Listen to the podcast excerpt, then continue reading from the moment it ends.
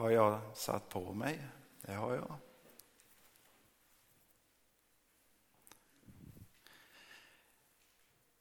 Det är inte bara idag vi firar att Jesus har uppstått, utan det gör vi ju varje söndag. Det är ju därför vi firar gudstjänst på söndag. För det är hans uppståndelsedag. Men på vilka grunder gör vi det? Bygger det på en blind tro där det förutsätter att när, innan vi går in här så hänger vi inte bara av kappan i kapprummet utan vi tar också bort och lägger hjärnan på hatthyllan. Om du har gjort det så får du gå och hämta tillbaka den igen. För den här predikan kräver att du är med med ditt förstånd. Och eh, som vanligt, höll jag på att säga, så kräver jag lite, eh, kräver den här predikan ett, ett lyssnande. Men vill du börja tänka på annat så är det helt okej. Okay. För vi ska följa en, en teolog och en filosof som heter Gary Habermas. Och han, eh, han vill undersöka och har undersökt om man utifrån fakta som nästan alla his historiker accepterar kan dra slutsatsen att Jesus verkligen på ett fysiskt sätt uppstod från de döda. Han gör det med en metod som kallas för the minimal facts approach. Glöm det namnet. Men det innebär att han utgår från fakta som så gott som alla forskare inom området accepterar. Även starkt kritiska ateistiska forskare. Alltså, de säger att Jesus har uppstått, det tror vi inte en sekund på, men vi accepterar det här som historiska fakta.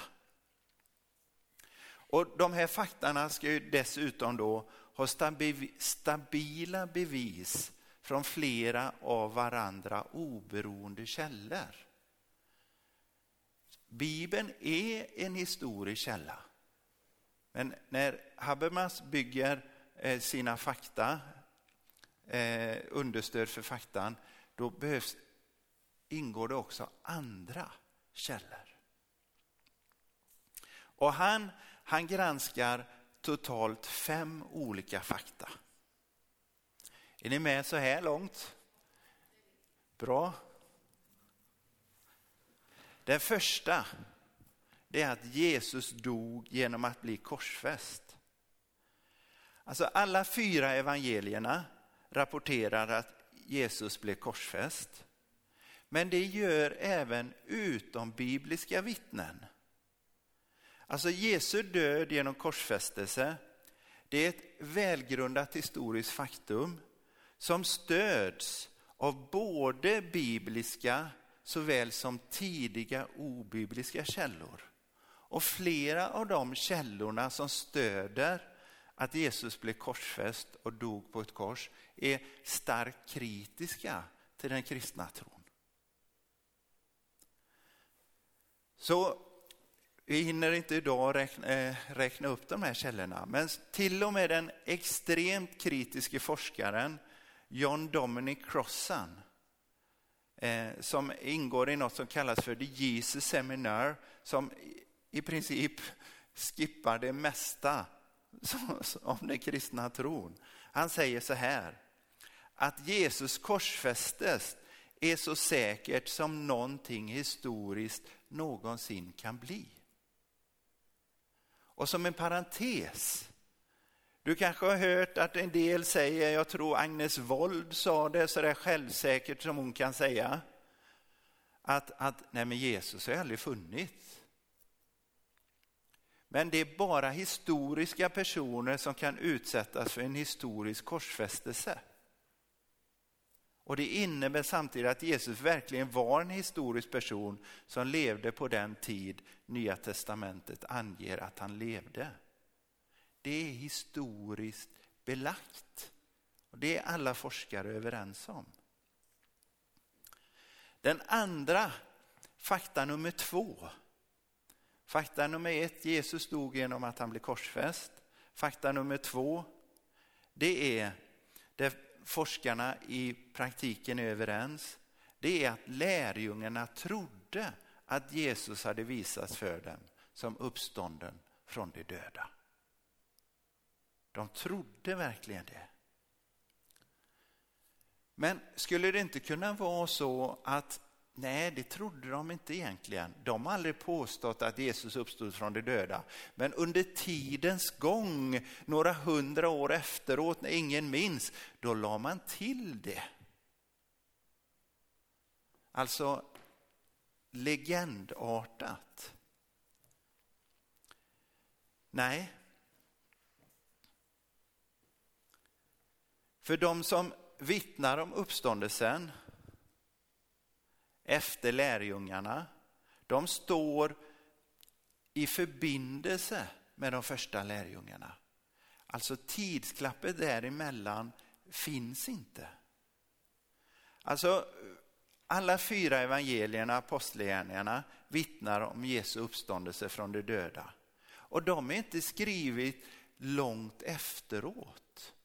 Det är ett tidsklapp, men det är alla är skrivna under det första århundradet som inte är historiskt sett ett jättetidsglapp.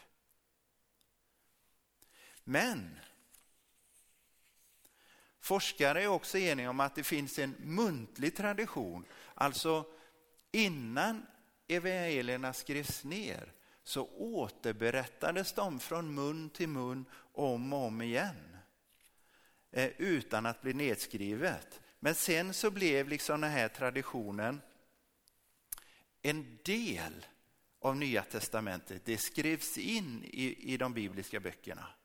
Så den traditionen är alltså närmre tidpunkten för Jesu död och uppståndelse än i Nya Testamentet där de nu är inskrivna. Och en sån tradition hittar vi i första Korintierbrevet 15.3-5. Alltså någonting som är äldre än när det skrevs ner. Jag förde vidare till er det allra viktigaste, vad jag själv har tagit emot. Att Kristus dog för våra synder enligt skrifterna, att han blev begravd, att han uppstod på tredje dagen enligt skrifterna. Han visades för Kefas och sedan för de tolv.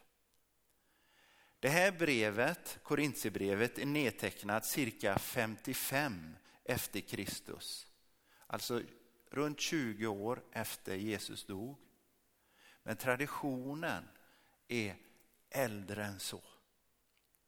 Och även då kritiska forskare menar att Paulus mottog den här bekännelsen när han besökte lärjungarna Petrus och Jakob tre år efter sin egen omvändelse. Och Det betyder att, att Paulus mottog eh, eh, budskapet om Jesu uppståndelse fem år efter Jesus dog av ögonvittnena. Det är alltså inget glapp alls. Och det håller även kritiska forskare med om. Sedan har vi kyrkofäderna. Det är alltså de vi kallar kyrkofäderna är de första ledarna efter Jesu eh, tolv lärjungar. Och de vittnar om uppståndelsen. Och de hade själva umgåtts med Jesu lärjungar och, och tagit emot undervisning av dem. Och eh, utsett som ledare av lärjungarna hade flera av dem gjort. Så deras undervisning kan alltså härledas tillbaka till de första lärjungarna.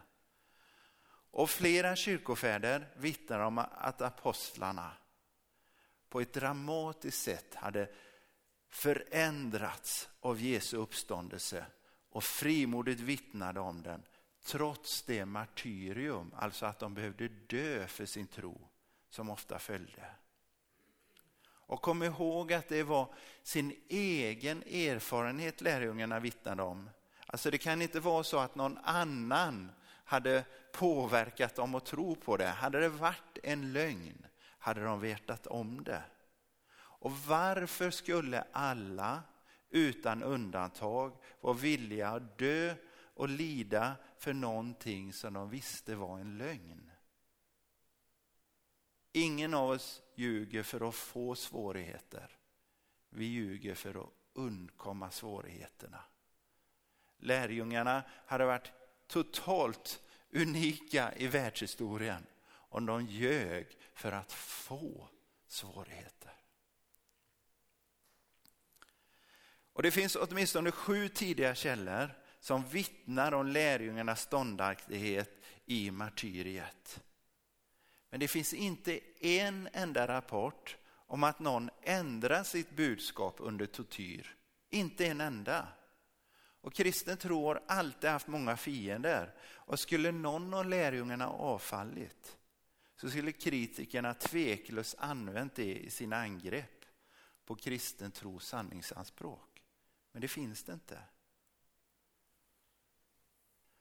Alla dessa källor, bibliska och utombibliska, bekräftar lärjungarnas villighet att lida och dö för att de höll fast vid Jesu död och uppståndelse. Det visar att de var verkligen övertygade om att de hade sett Jesus som uppstånden. Bevisen är så starka så att även hyperkritiska forskare som den ateistiske Gerd Lydeman som ni alla känner till. Eh, det här är ju lite ovanför vår nivå på ett sätt. Men hon skriver, jag hoppas det är en hon, Gerd. Eh, det kan anses som historiskt säkerställt att Petrus och lärjungarna hade erfarenheter efter Jesu död, att han uppenbarade sig för dem som den uppståndne Kristus. Är ni med so far? Då fortsätter vi. Den tredje faktan det är att, att förföljaren Paulus förändras plötsligt.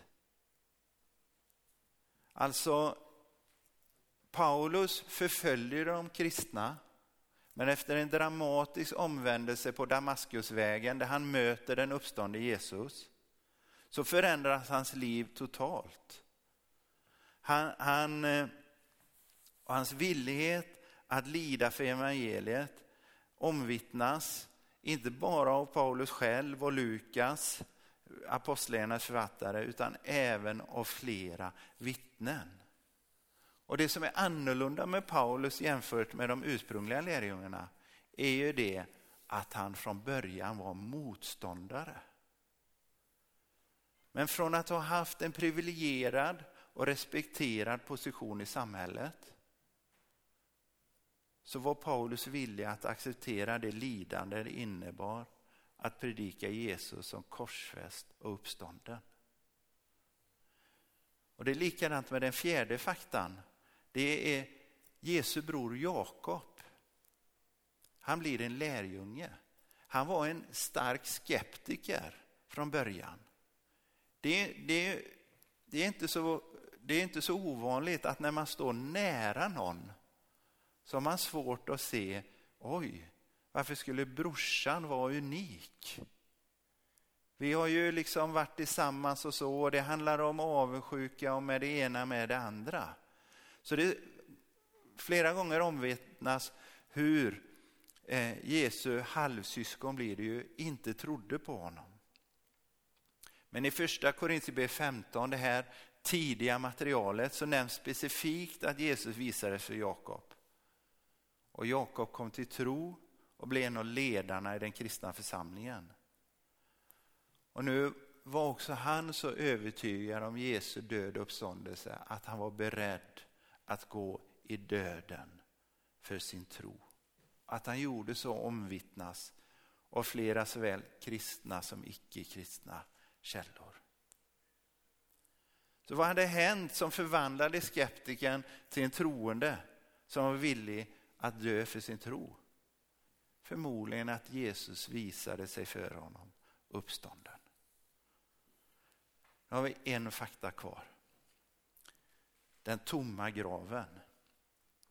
Om om i princip alla forskare är överens om de fyra första faktan så är det något mindre, det är 25 procent som inte håller med om att graven var tom. Men det innebär att 75 procent håller med om det, även kritiska forskare. Och Habermas har identifierat 23 argument till stöd för att graven var tom. Ska vi dricka kaffe nu och ta de 23 argumenten efteråt? Nej, ni kan vara lugna. Vi, tar, vi går igenom tre. Vi går igenom tre. Eh, tre fakta för den tomma graven. Det första är Jerusalemsfaktorn. Jesus avrättades i Jerusalem och det var också där som Jesus först uppenbarade sig för judarna och hundratals, för lärjungarna hundratals andra judar.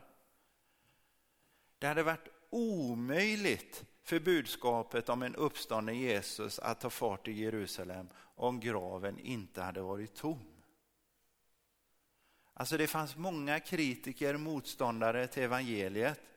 Och skulle de kunnat visa att graven inte var tom så skulle de ju gjort det. Men det finns inte någon källa som påstår något sånt. Varken i romerska eller, eller judiska källor. Men då kanske de motståndarskrifterna kanske har försvunnit. Nej, även om de hade gjort det, hade de kommit med argument att graven inte var tom, så hade de kristna kommit med argument varför den inte var det. Var, varför den var tom i sina skrifter. Men det finns, de första kristna bemöter ingenstans påstående att graven inte var tom. För det var ingen som påstod det. Det andra är att det, det omvittnas ju till och med av fienderna. Om en fiende vittnar till din fördel, då ökar ju trovärdigheten, eller hur? När Lotta säger, vittnar om att jag är väldigt snygg, det är inte så trovärdigt. Men, men om Lars-Gunnar gör det. Eller min, min, mamma, min mamma är dement och vi var, vi var och hälsade på henne, jag och Hanna, och så sa hon till Hanna, åh vad du är vacker. Och men jag då, sa jag, nej det är skillnad, svarar hon. Så även vänner kan säga sanningen. Men trovärdigheten ökar om det är fiender. Och vad gör de? Jo, de anklagar lärjungarna för att ha stulit kroppen då medger de indirekt att graven är tom. Hade en kropp funnits att visa upp hade man inte behövt anklaga lärjungarna för stöld. Det hade ju varit det ultimata beviset för att Jesus inte hade uppstått. Och Det här är det enda försöket att förklara den tomma graven man känner till från Jesu fiender. Och dessutom, om anklagelsen skulle varit sann att lärjungarna stal kroppen, skulle det räckt till, att, till den här förändringen man ser hos lärjungarna? Skulle det liksom eh, gjort att de var beredda att betala med sina liv för att Jesus var uppstånden? För då hade de ju vetat att det var en lögn. Nej, det är svårt att förstå. Det tredje argumentet. I alla fyra evangelier presenteras kvinnor som de första uppståndelsevittnena. Ja, vad är det för speciellt med det? Jo, kvinnliga vittnen betraktades inte som lika tillförlitliga som män, vare sig i romersk eller judisk kultur. En kvinnas vittnesmål var lika mycket värt som en rövares vittnesmål. Om Jesu tomma grav var en bluff är det obegripligt varför man skulle hitta på en sån historia, fabricera en historia där kvinnor var de första och de primära vittnena i alla fyra evangelierna. Den enda logiska motiveringen att presentera kvinnor som huvudvittnen, vilken är den? Jo, att det faktiskt var så det gick till.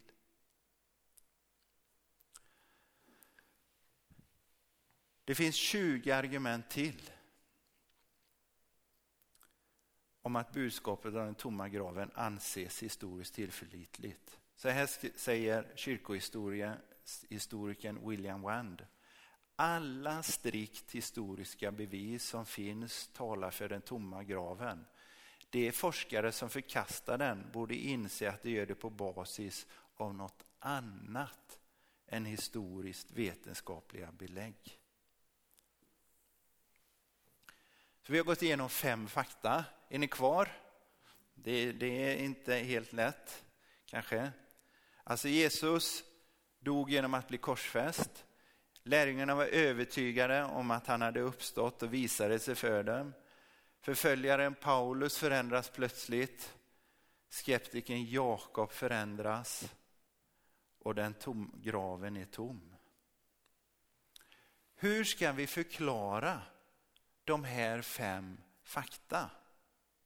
Alltså det behövs en förklaring, en teori som kan förklara alla fem fakta, inte bara en eller två av dem.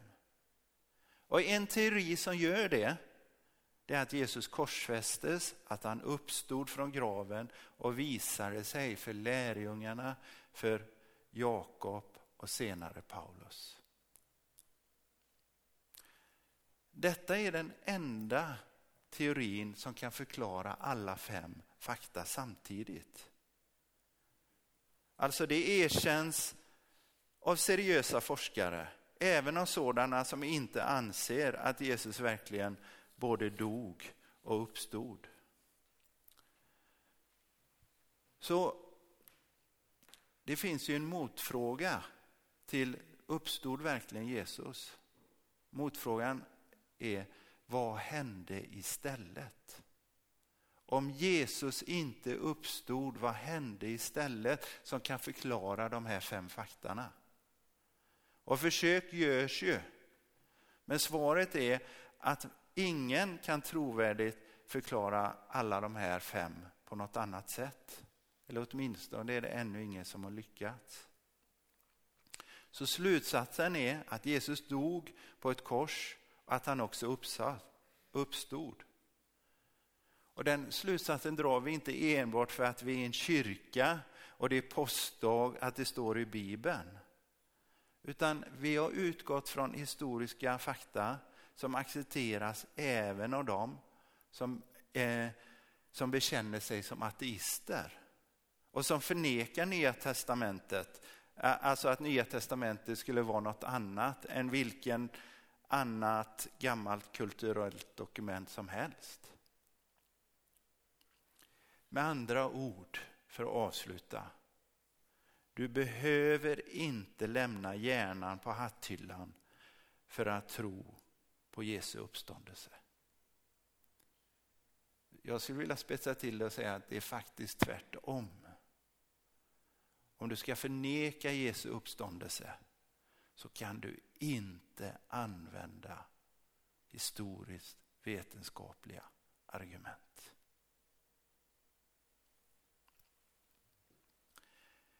Ändå, varför inte tro det?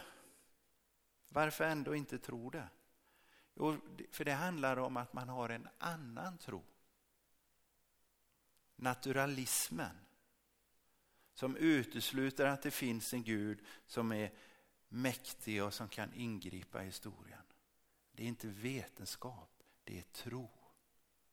Det är bara det att naturalisten vet så sällan om att de grundar sig på tro och inte på vetenskap.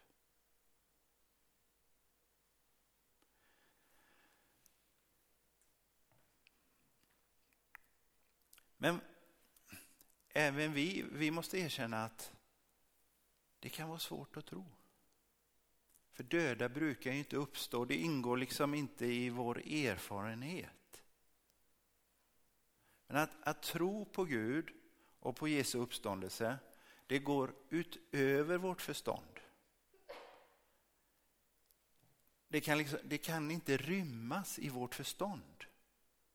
Om Gud vore lika liten som mitt förstånd, inte mycket till Gud, eller hur? Ni är fullkomligt överens om det. Ni har aldrig varit så överens om att om, om Gud var lika liten som Peter Andersson förstånd, då vore det inte mycket till Gud. Den guden skulle ingen av oss vilja tro på. Men kom ihåg att tro på Jesu uppståndelse går inte emot vårt förstånd. Det handlar om att lita på och tro på och följa någon som är större än oss. Någon som är hos oss här och nu. För Jesus lever. Det handlar om att tro på någon som älskar oss så mycket att han gav oss sin enda son för att var och en som tror på honom inte ska gå under utan ha ett evigt liv. Amen. Vi ber en kort bön. Herre, även om det är större än vi förstår så förstår vi, så här måste det ju vara. Nu ber vi att din helige ande ska göra det här levande för oss. Och att vi, vi, vi ska i tro kunna ta emot detta Jesus. Att du är uppstånden och att du lever. Amen.